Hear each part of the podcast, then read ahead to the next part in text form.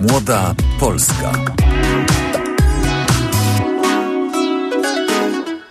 Wracamy do Młodej Polski. Nazywam się Wiktoria Droszkowek i moim gościem e, teraz jest Michał e, Możdżeń, doktor Michał Możdżeń z Centrum Polityk Publicznych Uniwersytetu Ekonomicznego w Krakowie i Polskiej Sieci Ekonomii, e, tej Polskiej Sieci Ekonomii, która jakiś czas temu e, wystosowała list e, do, do polityków mówiący no, w dużym skrócie o tym, że pieniądze są i będą. Dzień dobry.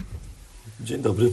E, no właśnie, związani z pozycją e, ekonomiści, e, tacy bardziej liberalni ekonomiści, powiedzmy, rozpisują się o, o, tym, że ciągle rośnie w Polsce płaca minimalna i to musi się skończyć.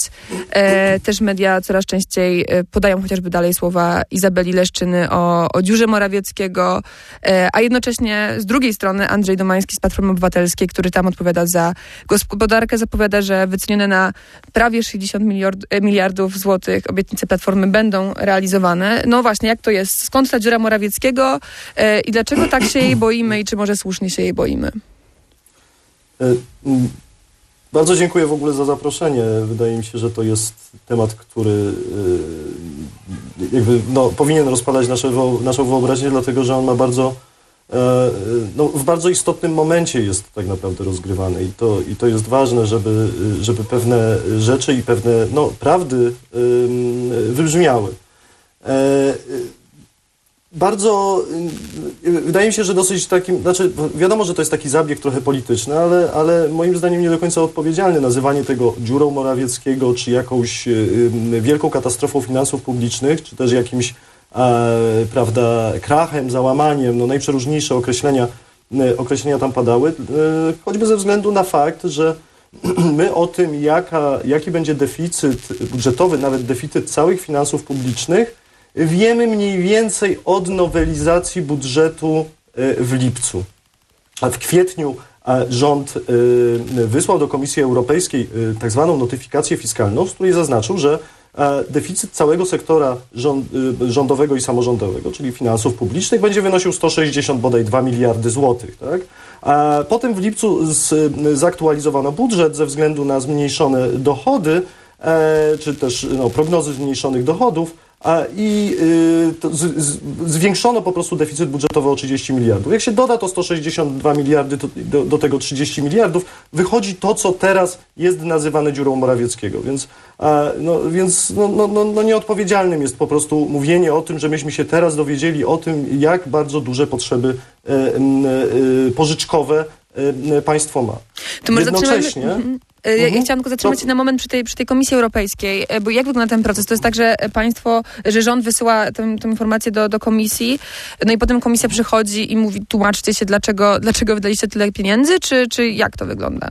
I, no, znaczy, ja może do tego przejdę, dlatego że w mhm. tym momencie, bo e, wydaje mi się, że to, bo to nie jest w tym momencie kluczowa rzecz.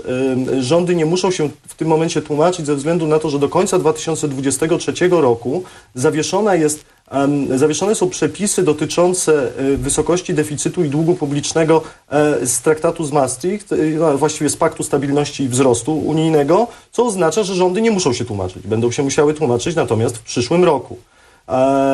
I, i, to, I to rzeczywiście, to w jaki sposób rząd polski będzie się musiał tłumaczyć i, i, i co powie i, jak, i co wynegocjuje, ma bardzo, bardzo istotne znaczenie dla możliwości pożyczkowych państwa. To jest moim zdaniem kluczowy i podstawowy y, y, problem, który może stać na y, na, no, naprzeciw możliwości realizowania e, e, wyższego niż zakładany w obecnym w, w, obecnym momencie deficyt, deficytu budżetowego.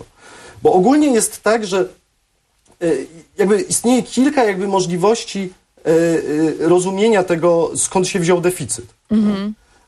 I, i, I ogólnie jakby nie jest też dla mak z makroekonomicznego punktu widzenia nie jest zaskakującym te, te, to, że ten deficyt jest. Tak?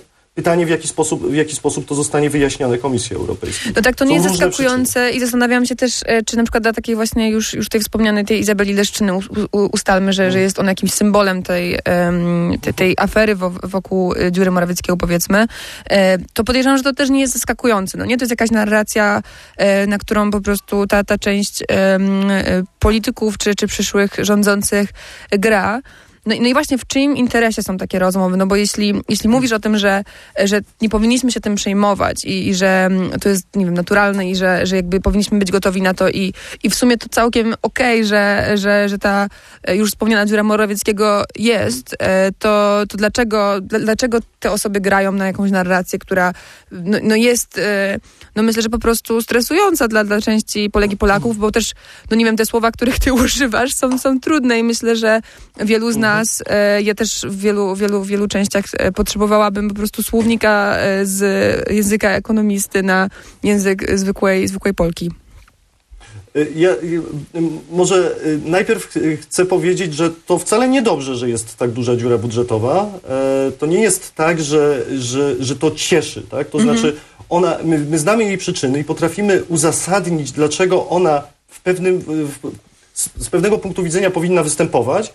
Natomiast to nie jest dobrze, że my mamy strukturalnie niezrównoważone, to nie jest jednoznacznie dobrze, no, że to ma swoje plusy i minusy, że my mamy strukturalnie niezrównoważone e, finanse publiczne. I to jest kłopot, ponieważ ta struktura, to strukturalne niezrównoważenie, czyli jakby y, zasadniczo stabilnie wyższe wydatki niż dochody, nawet pomijając już efekt cyklu koniunkturalnego, e, jest pewnym problemem i o tym problemie, No tak. jeśli, y, jeśli znajdziemy chwilę czasu, e, chciałbym y, jednak podyskutować. Natomiast Natomiast to, co teraz, no i teraz y, wracając do Twojego pytania, czy nie, nie unikając go, no ja trudno mi jest jednoznacznie powiedzieć, natomiast no, moja taka naturalna ludzka intuicja sugeruje, że to jest próba przerzucenia e, no, pewnych y, y, możli, możliwe, że trudnych decyzji, podwyższania podatków albo e, rezygnacji z jakichś wydatków, na przykład infrastrukturalnych w przyszłości, bądź też mm, spowolnienie, prawda, y, spowolnienie dynamiki transferów, y, to jest y, st- standardowa taktyka po prostu polityczna, żeby przerzucać ich na poprzedników. Zostawili nas prawda, z, y, z beznadziejną sytuacją. Stąd ta dziura Morawieckiego, ona ma się wbić w nasze umysły, że tak naprawdę ona nie ma nic wspólnego z, e, prawda, z uwarunkowaniami systemowymi, z uwarunkowaniami makroekonomicznymi, czy też z decyzjami, szczególnie, szczególnie z decyzjami rządu obecnego. Więc to jest po prostu gra, powiedziałbym, że to jest gra polityczna i tak bym, y, tak bym to ujął. to Natomiast co do przyczyn, e, y, nie wiem, czy mo- mogę, chyba że chcesz to tak, jasne, jasne, jasne. Proszę, proszę, proszę. Bo wiesz co, jeśli chodzi o przyczyny, no to one są, one są nam znane i to jakby myślę, że myślę, że słuchaczki i słuchacze będą w stanie e, lepiej zrozumieć e, te, to trudne słownictwo, o którym Stasiu, proszę, odejdź. E, To trudne słownictwo, no, mój syn tutaj właśnie podszedł i, i próbuje uczestniczyć. Najmłodszy, E, najmłodszy uczestnik Młodej Polski, to jest taka audycja. Najmłodszy zapraszamy. uczestnik Młodej Polski, tak. E, e, To właśnie. e, e, e, Jeśli chodzi o te, e, o te przyczyny, no to e, e, one mają charakter e, wydatkowy i dochodowy. I one nie są wcale zaskakujące. To znaczy, e, my po pierwsze od, od tego roku w zasadzie zaczynamy płacić dużo wyższe odsetki od długu, co wynika po prostu z podwyższonych rentowności obligacji, no a one z kolei z podwyższonych stóp procentowych. Nie? Po prostu ten dług, który już e, e, prawda, na, nabieraliśmy jako państwo w ostatnich latach, on już był po prostu wyżej oprocentowany. I to będzie y, y, wyraźnie obciążało nam deficyt przez najbliższy czas, e, dopóki te stopy oczywiście nie spadną i dopóki się ten dług nie zroluje. I druga rzecz, która bardzo mocno po stronie wydatkowej nam w 2023 obciąży budżet, deficyt i obciąży też w kolejnym roku, to są wydatki zbrojeniowe. Mówimy o 2% PKB. Odejmijmy to od, od, y, od wielkości deficytu, który jest w tym momencie, czyli 5,6% i wychodzi nam zupełnie z, z, z, zgodne jakby z przewidywaniami, e, czy też z długookresowym trendem 3,6%.